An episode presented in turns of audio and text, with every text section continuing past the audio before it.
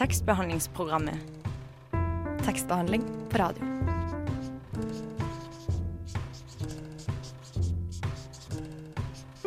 Tekstbehandlingsprogrammet.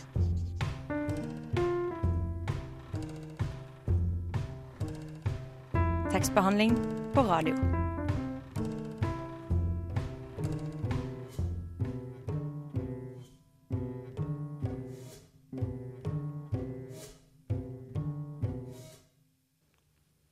Hei og velkommen. Du hører på tekstbehandlingsprogrammet på Radio Nova. Jeg er Idun Svarverud, og med meg i dag har jeg deg, Mari Nyberget. Ja, det stemmer. Eh, Den neste timen så skal vi gi deg en pause fra jul, eksamen og annet stress. I dagens sending får vi besøk av Joanna Zjukowska, som har skrevet en ny diktsamling som heter 'Luftmensch'.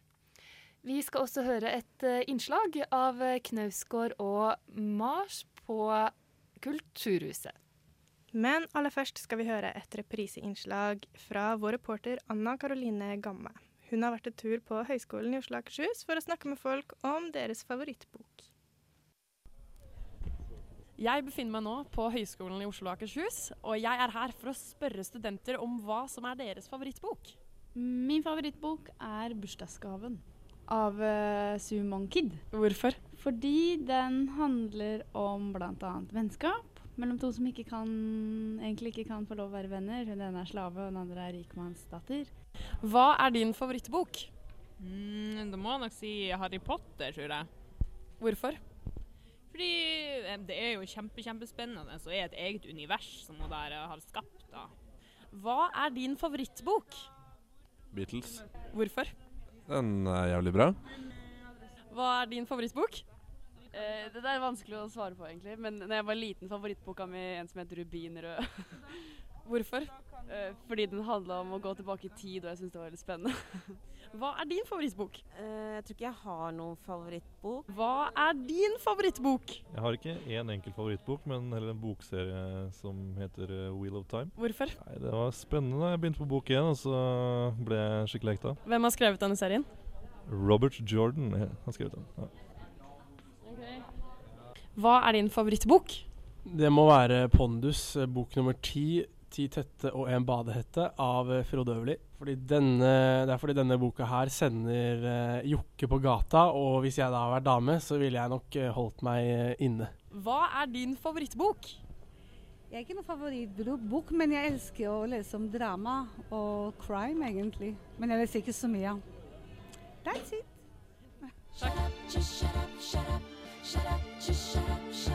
Hysj! Nå hører vi på tekstbehandlingsprogrammet.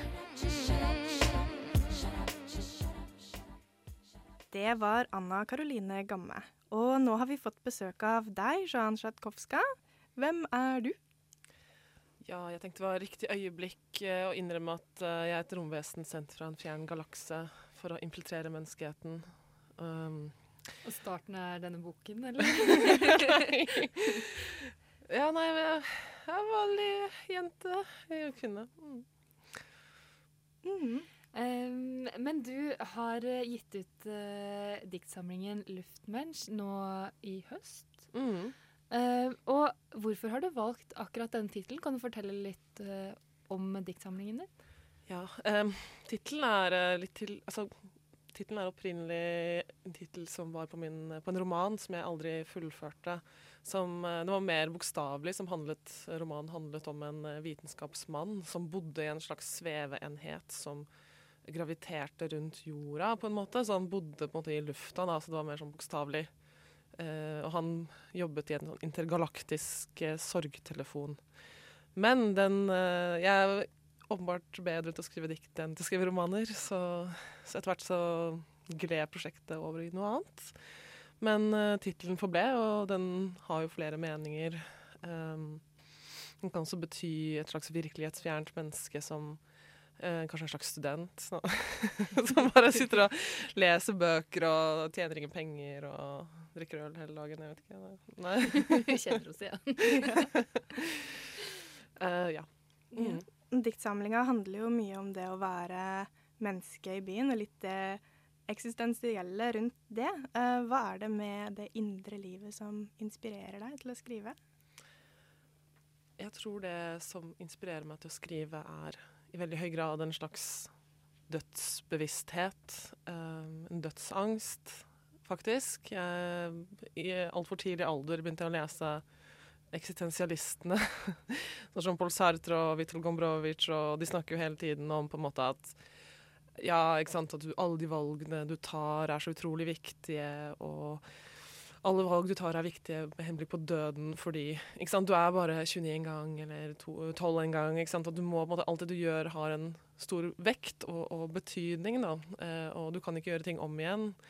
Og mm, den tematikken rundt, rundt evig liv da, eh, har, eh, har vært viktig for meg i begge bøkene. Og bare helt personlig så er jo min største frykt er jo på en måte at man skal oppfinne en kur mot døden akkurat etter at jeg har dødd. sånn type, liksom, jeg leser sånne her nyhetssaker sånn, om sånn her, å, nå har de funnet et insekt som dreper kreftceller, og jeg bare Å, yes, jeg, liksom, du kan fortsatt bruke det på meg, og Eller jeg vet ikke, jeg blir sånn Nei, jeg vet ikke. Døden er uh, et vanskelig tema. Mm. Uh, og denne diktsamlingen som du har gitt ut nå, hvor lenge arbeidet du med den? holdt jeg på å si? Har det vært en lang prosess, eller har du på en måte samla dikt uh, litt un underveis? Eh, Det er en lang prosess å skrive en bok. I hvert fall for meg. Jeg, jeg tror jeg sendte inn førsteutkastet desember 2013. Eh, Så det kom jo ut tre år senere, nesten. Og det er jo sånn fram og tilbake med en redaktør, og du tenker Jeg tenker lenge. Jeg bruker lang tid på å tenke og, og gjennomarbeide, og et dikt kan ha ti versjoner. Eh, Så det har jo, det har jo tatt meg fire år siden den første boka mi. Mm. Mm. Har du gjort noe research av noe slag? Eh, research Eh, En gang så hadde jeg en eh, idé om at jeg skulle skrive en historisk roman fra kommunisttidens Polen. Det var, jeg hadde en sånn plan, men da, det, var sånn, det, var, det var sykt mye research som jeg begynte å gjøre. Sånne typer prosjekter krever en del research, og da er det viktig å sette seg inn i skikker og hva slags varer man hadde, og hva slags klær man gikk med. Men når man skriver dikt, så faktisk den viktigste, beste researchen kan være å for gå mye turer og tenke mye og lese mye poesi. Da. Altså, man kan si at den beste formen for research altså Hvis du vil skrive dikt, så les dikt. Hvis du vil skrive romaner, les romaner. Det er research. Og snakke med mennesker. Ikke sant? Så, mm. Jeg har lest mye dikt. Ja, og vi skal snakke mer om uh, luftmensch uh, straks, men først så skal vi høre litt grann, uh, musikk. Dette er Elida Høgalmen med The End. Tekstbehandlingsprogrammet kan du høre hver onsdag mellom 10 og 11 på Radio Nova. FM 99,3.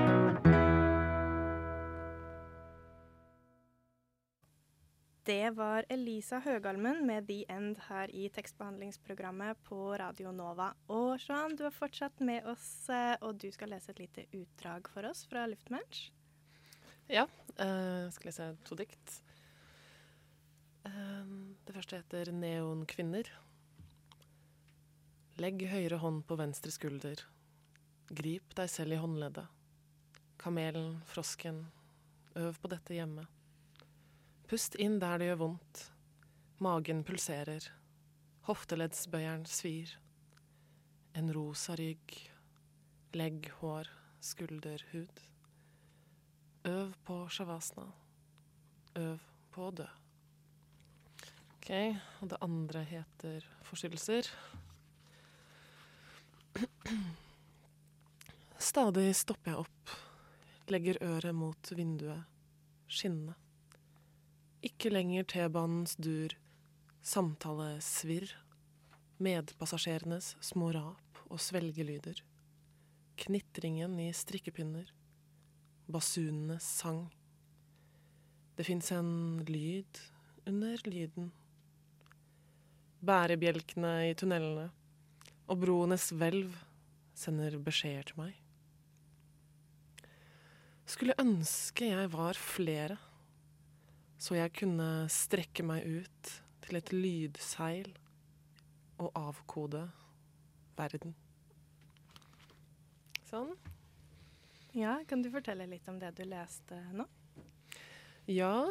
eh, det første diktet var jo eh, etter deres ønske, disse to diktene. Eh, det første diktet er jo nesten sånn found poetry. Det er bare sitater fra yogalæreren min. Men eh, jeg vet ikke, jeg syns det er noe utrolig rart med treningssentre. Jeg får veldig sånn, der, eh, sånn maskinell følelse. Både det der med at, ikke sant, at nesten man skrur på, på, på liksom beina og armene, på leddene sine måten liksom, spinning, og liksom at alt er så rytmisk, og alle er så svette, og liksom, nesten sånn nedolja. Når musikken er rytmisk, og man har den der skjermen med, med de puls alle de pulsklokkene som kommer opp. Jeg vet ikke, Det er bare noen veldig sånn spesiell atmosfære på treningssenteret som minner kanskje litt om innmaten til en maskin. Så um, da Ja, det, er, det, det var bare sånne ting hun sa under en yogatime, faktisk. Jeg vet ikke om det Men den andre, det er ikke sant, hun jeg-personen da, i, i, boka etter hvert begynner å bli veldig opptatt av å tolke ting, og, og, og koder. Og som tidligere prøver hun å tolke lydene fra, fra mannen som sover ved siden av henne. Um, her så begynner hun å lytte til verden, begynner å lytte til, til tilfeldige lyder ute i bybildet og prøver å finne en, måte, en slags mening bak det. Um, og kanskje ønsker seg den meningen, da. Mm. Um, hvem, eh, jeg holdt på å si, hvem er det som kan kjenne seg igjen i denne boka? Eller hvem tror du kjenner seg igjen i, i boka di? Oh, det må jeg nesten spørre deg om. Tror, ja. du, tror, du, det er noen som kjenner seg igjen i boka? Ja, jeg vet at jeg kjenner meg igjen i boka. Ja. Spesielt kanskje de to du leste, ja, så tror jeg vi begge kjente oss veldig igjen. Yoga og T-bane. Ja. ja, så det, dere gjør det? Mm. Absolutt. Uh, um, og boka er jo delt i tre deler, med ganske markante svarte skillesider imellom. Mm. Uh, hva er det du ønsker å få frem med de skillene? Ja, altså jeg tenkte litt på denne boken at den uh, var en slags forløper, en prequel til, til min første bok, kanskje. og at jeg starter på en måte i hverdagen eller der jeg er nå, og så at det går mot mot maskinen. Uh, hver del er, blir mer og mer blir mindre og mindre menneskelig. Så det er kanskje en bevegelse fra, fra mennesket til tingen eller til maskinen. Og helt på slutten er det jo eh, tilbake til, til, krigen og tilbake til de ødelagte kontinentene. og ja, at, at sant, det er en uh, bevegelse fram i tid, da, kan man si. Fra nå og framover. Mm. Mm. Ja, det var akkurat det jeg hadde tenkt å gå litt inn på nå. Litt om kronologien i, i diktene. Altså er det på en måte en, Henger diktene sammen på, på noen måte? Du nevnte jo en jeg-person. Altså, kan, kan, du si noe om eh, Er det noe rød tråd? Ja, ikke sant. Nei, det er jo det jeget som holder det sammen. Og kanskje menneskets kår da, framover. Jeg forestiller meg hvordan det er å, det er å være menneske nå. Hvordan det, det kommer til å være å være menneske i fremtiden. Og jeg vet ikke hva som binder det sammen. Maskinen, luften, ikke sant. Byens rytmer. Mm. Mm. Ja, jeg lurer litt på det jeget. Eh, er det Johanna vi møter, eller er det noen andre Eller er det mange forskjellige folk, eller? ja, det har jeg blitt spurt om. Det er nå, ikke sant, det er sånn Skriver du egentlig om deg selv? er du egentlig en maskin? Nei, jeg vet ikke. Altså, det er jeg Stig Seterbakken sa jo at uh, man skal begynne i seg selv, i noe gjenkjennelig, og så skal man skrive ut av seg selv og forbi seg selv og til noe annet. da, Til noe som kanskje er spennende, fremmed, uh, interessant å utforske. da, Så jeg vet ikke, jeg, jeg vet ikke om jeg syns uh, det hadde vært så interessant med en bok om, om Joanna. men nei, jeg, opplever ikke at dette er meg. At uh, det hadde kanskje, vært slitsomt å, å, være en sånn person som, som, som hun er, da. Mm. Ja. Og Johanna, du blir med oss videre i sendingen etter litt grann, uh, musikk. Her kommer Myra med 'Hold an'. Tekstbehandlingsprogrammet når du har lyst til å lese med øra. Det var Myra med 'Hold an', og du hører fortsatt på tekstbehandlingsprogrammet her på Radio Nova. Eh, Joanna, du har eh, engasjert deg i høstens eh, jeg håper å si, store litteraturdebatt eh, om eh, virkelighetslitteraturen. Og eh, hvorfor Kan du si noe om hvorfor det er viktig å bevare forfatterens kunstneriske frihet? Eller hva tenker du rundt det? Er det greit å skrive om andre mennesker som finnes på ordentlig? jeg tenker om det er greit å bruke levende modeller? Ja, nei Ja, det må jo være det. Jeg vet ikke, det. Jeg har jo um, Jeg bruker ikke så mange levende modeller selv, men, uh, men forfattere har jo gjort det til alle tider. Jeg så Dante Alighieri brukte sine døde fiender i den guddommelige komedien uh, til uh, i strak linje til Kenneth Moe, som brukte en dame han var forelska i. Nei, altså Jeg, jeg tenker at eh, man må gjøre litt opprør mot eh, mot den type imperativer som kommer, syns jeg. Altså At noen plutselig sier sånn Nei, nå, nå er jeg lei av virkelighetslitteratur, nå må dere skrive fiksjon. Altså, hva- ligger i det, og hvorfor skal Er det kritikerne som skal på en måte bestemme dette her? Er det eller er det, er det forfatterne som, som, som selv velger hva de skriver? Jeg vet ikke, jeg syns det er en sånn merkelig debatt. Og det er jo på en måte Kritikerne mener sitt, og forfatterne mener sitt. Uh, men jeg syns eh, jeg syns jeg skal få lov til å skrive hva jeg vil. Ja. Skal eh, alt være lov i Alt. litteraturen?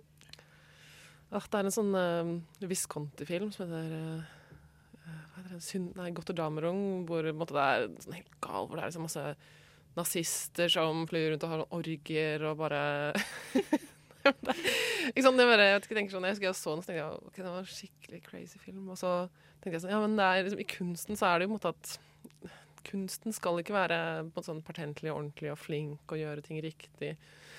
Jeg tenker kunsten er jo, er jo Man gjør jo vold på noe. Man gjør vold på språk, eller man prøver jo på en måte å Jeg vet ikke, fucke opp noen konvensjoner og starte noe på nytt. Ikke sant. Det er jo det er, Kunsten er ikke lydig, da, for å bruke store ord. Eh, Og jeg synes, altså Hvis du kommer med et forbud, så vil det bli brutt i morgen. Eh, Ikke sant. Eh, men i jeg håper å si, denne debatten her også, så har det vært litt snakk om norske forfattere faktisk har blitt, Mm. er for selvopptatte. Eh, Mm. Skriver bare om måte, det som skjer rundt sin egen eh, lille boble. Hva tenker du om det? Nei, det har jeg aldri opplevd at jeg er. Um, jeg vet ikke. Sånn som, sånn som unge forfattere sånn som Eline Lund Fjæren, for eksempel. Hun har jo vært med i, med i Rødt, uh, for eksempel. Hun er jo politisk engasjert, eller Det er mange eksempler. Lotta Elstad, som, som har vært redaktør for Manifest Tidsskrift, eller Aide Marie Krisnik, som skriver pamfletter om, om at Oslo er en delt by.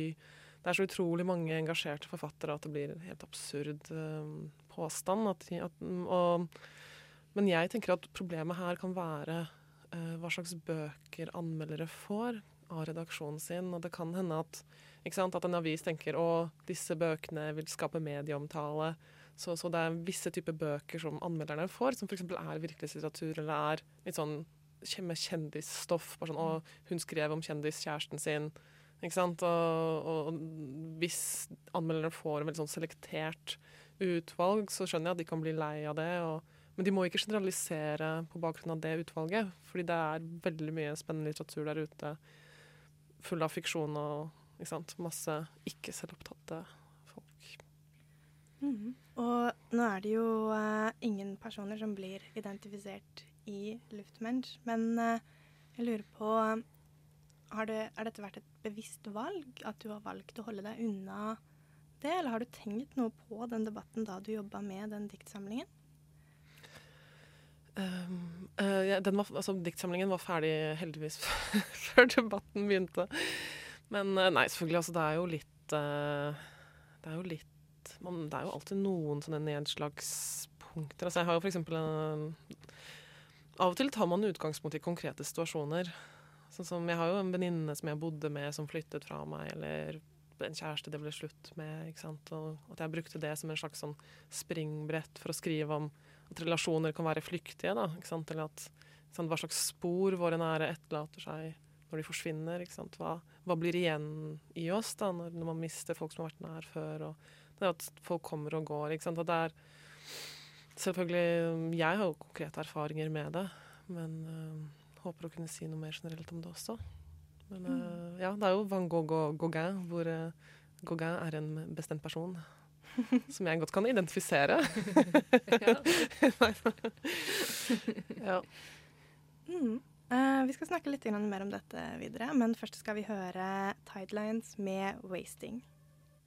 Vi har fortsatt med oss Joanna Zjekowska her i tekstbehandlingsprogrammet på Radio Nova, og du skal lese et uh, utdrag til for oss. Da kan du egentlig bare begynne når du er klar.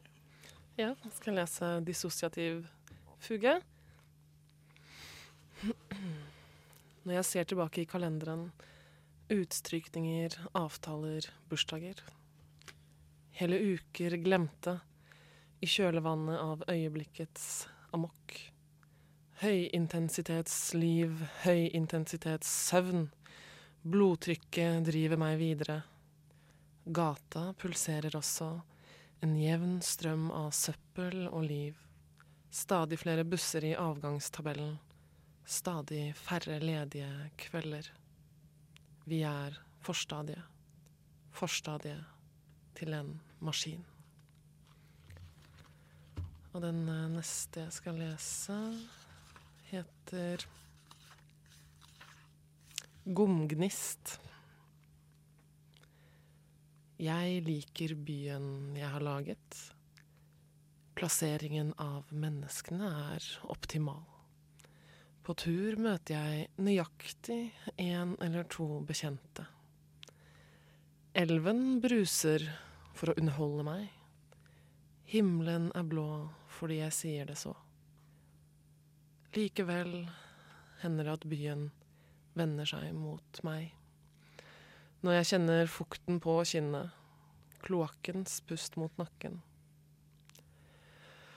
Jeg kommer aldri under huden på byen. Byen kommer alltid under huden på meg. Jeg skjønner ikke hva jeg sier.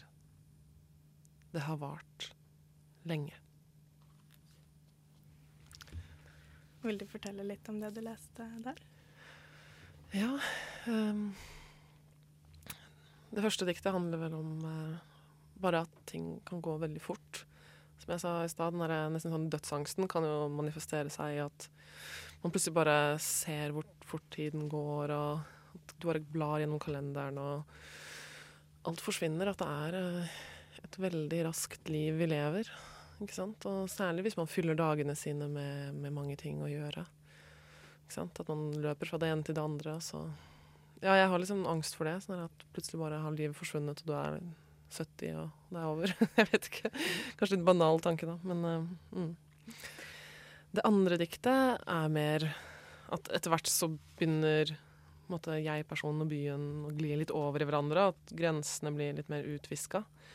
Um, at plutselig er det hun som har laget byen, og de kommer under huden, og Ikke sant? Og at det er Ikke sant? Erkjennelsen begynner å glippe litt, da. Um, ja. Mm. Eh, du er jo ikke bare forfatter. eh, du er eh, kritiker, skribent og psykolog. Mm. Eh, hvordan er det å ha så mange hatter, på en måte, å, bytte mellom? Ja, det er et godt spørsmål. Det burde jeg, jeg burde spurt meg selv sånn i speilet en gang. nei, jeg prøver faktisk å gjøre litt mindre. Det er liksom Jeg vet ikke, jeg liker veldig godt å, å anmelde, anmelde, bøker. Og I det siste har anmeldt mest fag, faglitteratur. Det er jo veldig spennende. Men jeg tror hvis du skal skrive, så må du liksom stjele litt tid fra deg selv. Da. Du må lage tid til å skrive. Og da må du kanskje kutte litt ned på alt det andre. Så Mm, men du får tid til alt. Ja, for å få tid til alt. Men uh, i en, en, en, periode da, før jeg begynte å jobbe som psykolog, så jobbet jeg som frilanser. Og oversatt litt og skrevet artikler og korrektur. Leste, vasket manus. Og, da, da, var det jo bare sånn at jeg tok alle jobber som kom min vei. da, da, fikk jeg alle de titlene, da. Mm. Ja, er det én spesiell ting du skulle ønske at du kunne drive mer med? Eller at, uh, som, har du en favoritthatt, på en måte? Ja, nå håper jeg sjefen min ikke hører på. nei nei, Det er selvfølgelig Peper og river herten. nei, altså jeg, jeg, Det er jo viktigst for meg å skrive. Jeg tror det alle som skriver, tenker det innerst inne. Det er jo, skrivingen er det viktigste, selvfølgelig. Det er det. Ja. Men eh, nå ble det mye snakk om hatter her, men med alle disse hattene, da, hva introduserer du deg selv som på fest? På fest. I hvert fall ikke som en psykolog. Eh, for da får man derre Analyserer du meg nå? Liksom bare, bare, sånn, Ja, nei, jeg gikk på sånn tankelesingskurs i fjor, da, så det du tenker nå Nei, men sånn, du får akkurat, akkurat de samme liksom, one-linerne hvis du er psykolog på fest, så etter hvert syns jeg det er litt kjedelig. Og, eller at folk enten begynner å snakke om at de har angst, eller at Og det vil man jo på en måte høre på, men kanskje man har hørt på det hele dagen på jobb, ikke sant. Sånn. Men eh, eller det der med at, man, de, at de tror at du analyserer dem og ikke har noe bedre å gjøre. Så da har jeg faktisk, Og når du er forfatter, så blir det sånne, mye sånn høflighetsspørsmål også. Det, det er jo hyggelig, det, men ja. eh, Så Jeg er jo oppvokst i Norge, så jeg er liksom blitt litt sånn her, sånn at man ikke skal trekke for mye oppmerksomhet til seg selv, sa hun sittende på radio. Eh, Så jeg bruker bare faktisk å si at, eh, at jeg oversetter, faktisk. Det, ja, det funker best på fest. Oversetter, ja. Ja. Mm. Mm. Um, men når du skriver uh, poesi, henter du noen inspirasjon fra jobben som psykolog der, da, eller? Ikke så veldig mye.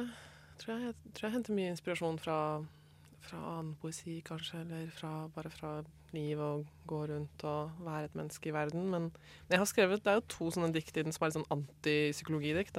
liksom, det ene er sånn antipusteøvelse, og det andre er liksom antivitenskap. Så det er jo kanskje litt sånn anti-inspirasjon. Ja. Ja. Ja, vi skal snakke litt mer eh, med deg eh, senere, men aller først skal vi høre 'Problem' av Verdensrommet og Erik Aas.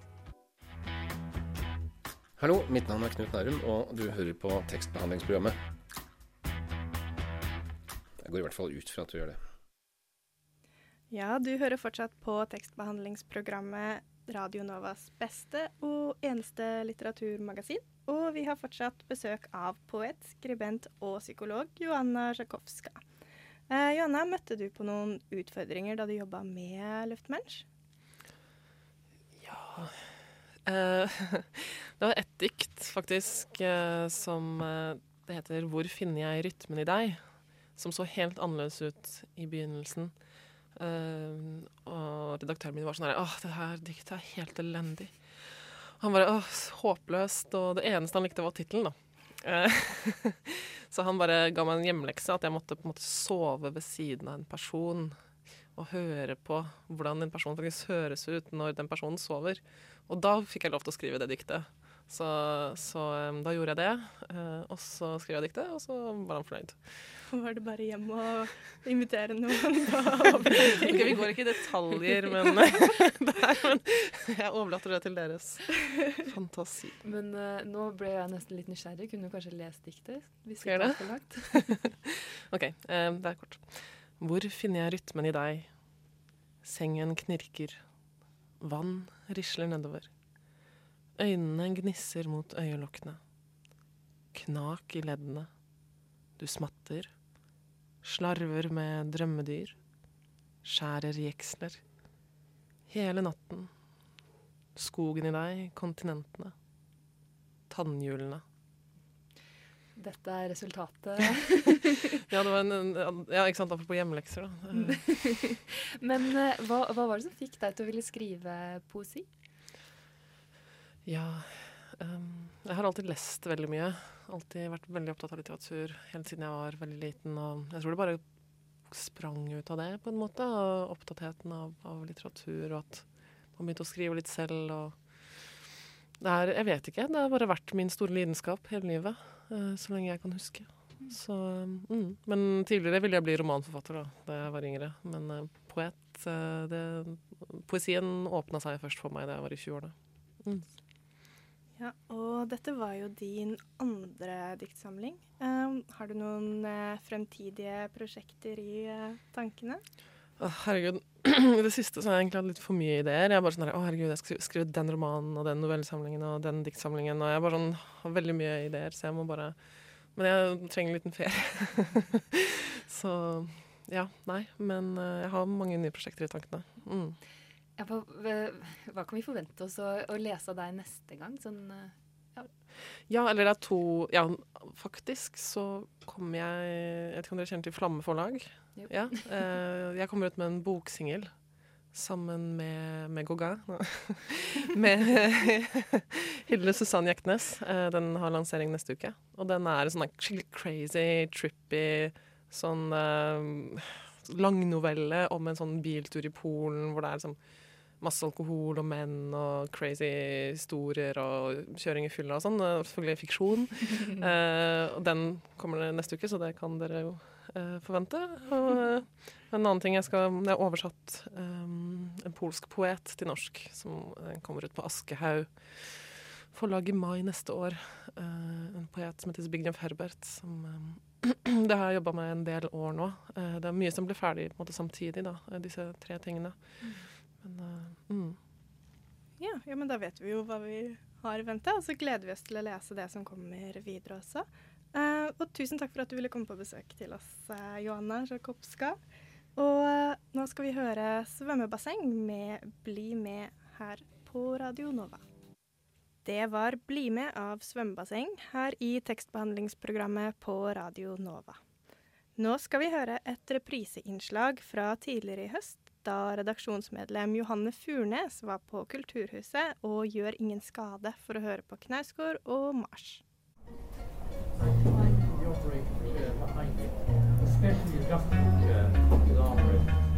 This moment still fills me with awe. I've not yet lost the naive enthusiasm with which I watched that first aneurysm operation 30 years ago. I feel like a medieval knight mounting his horse and setting off in pursuit of a mythical beast.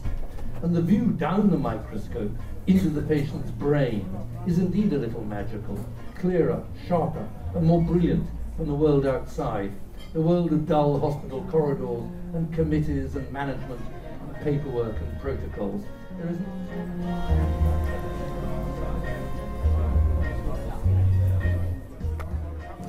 Det er på Kulturhuset at han som blir kalt hjernekirurgiens Knausgård av The New Yorker, Henry Marsh, svarer på spørsmål fra nettopp Karl Ove Knausgård om eh, boken 'Do No Harm', som Pelikan Forlag nå har oversatt til norsk 'Gjør ingen skade'. En bok om liv, død og hjernekirurgi. It's one thing to lead an interesting life, it's another thing to write about it. Because another point is a good writer can write about a very uneventful life, like perhaps yours. Den britiske hjernekirurgen leverer en veldig ærlig skildring av eh, livet sitt, eh, yrket sitt og tankene rundt det. Eh, og en slags innsikt som ellers på en måte ikke hadde vært tilgjengelig hvis det ikke hadde vært skrevet med så elegant språk. I was attended to a lecture you held that was in Albania, and you were it's only brain surgery, it's not rocket science. no, there is this myth, there's a great misunderstanding in the public about medicine and in particular about brain surgery, particularly in America, where brain surgeons are up at the sort of regarded as the most top of the surgical profession and godlike characters. I mean, brain surgery is very, very difficult. Don't get me wrong, it's very difficult.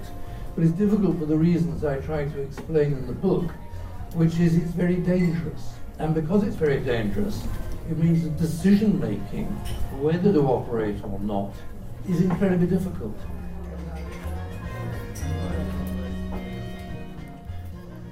You're not only a brain surgeon, but you're also a writer, and I thought maybe you could read uh, okay. a bit of your, yeah. part of your book.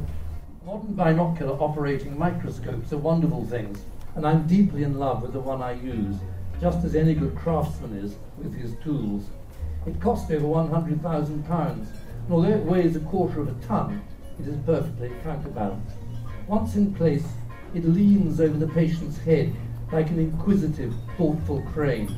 The binocular head, through which I look down into the patient's brain, floats as light as a feather on his counterbalanced arm in front of me, and the merest flick of my finger on the controls will move it. Not only does it magnify, but it illuminates it as well with a brilliant xenon light source.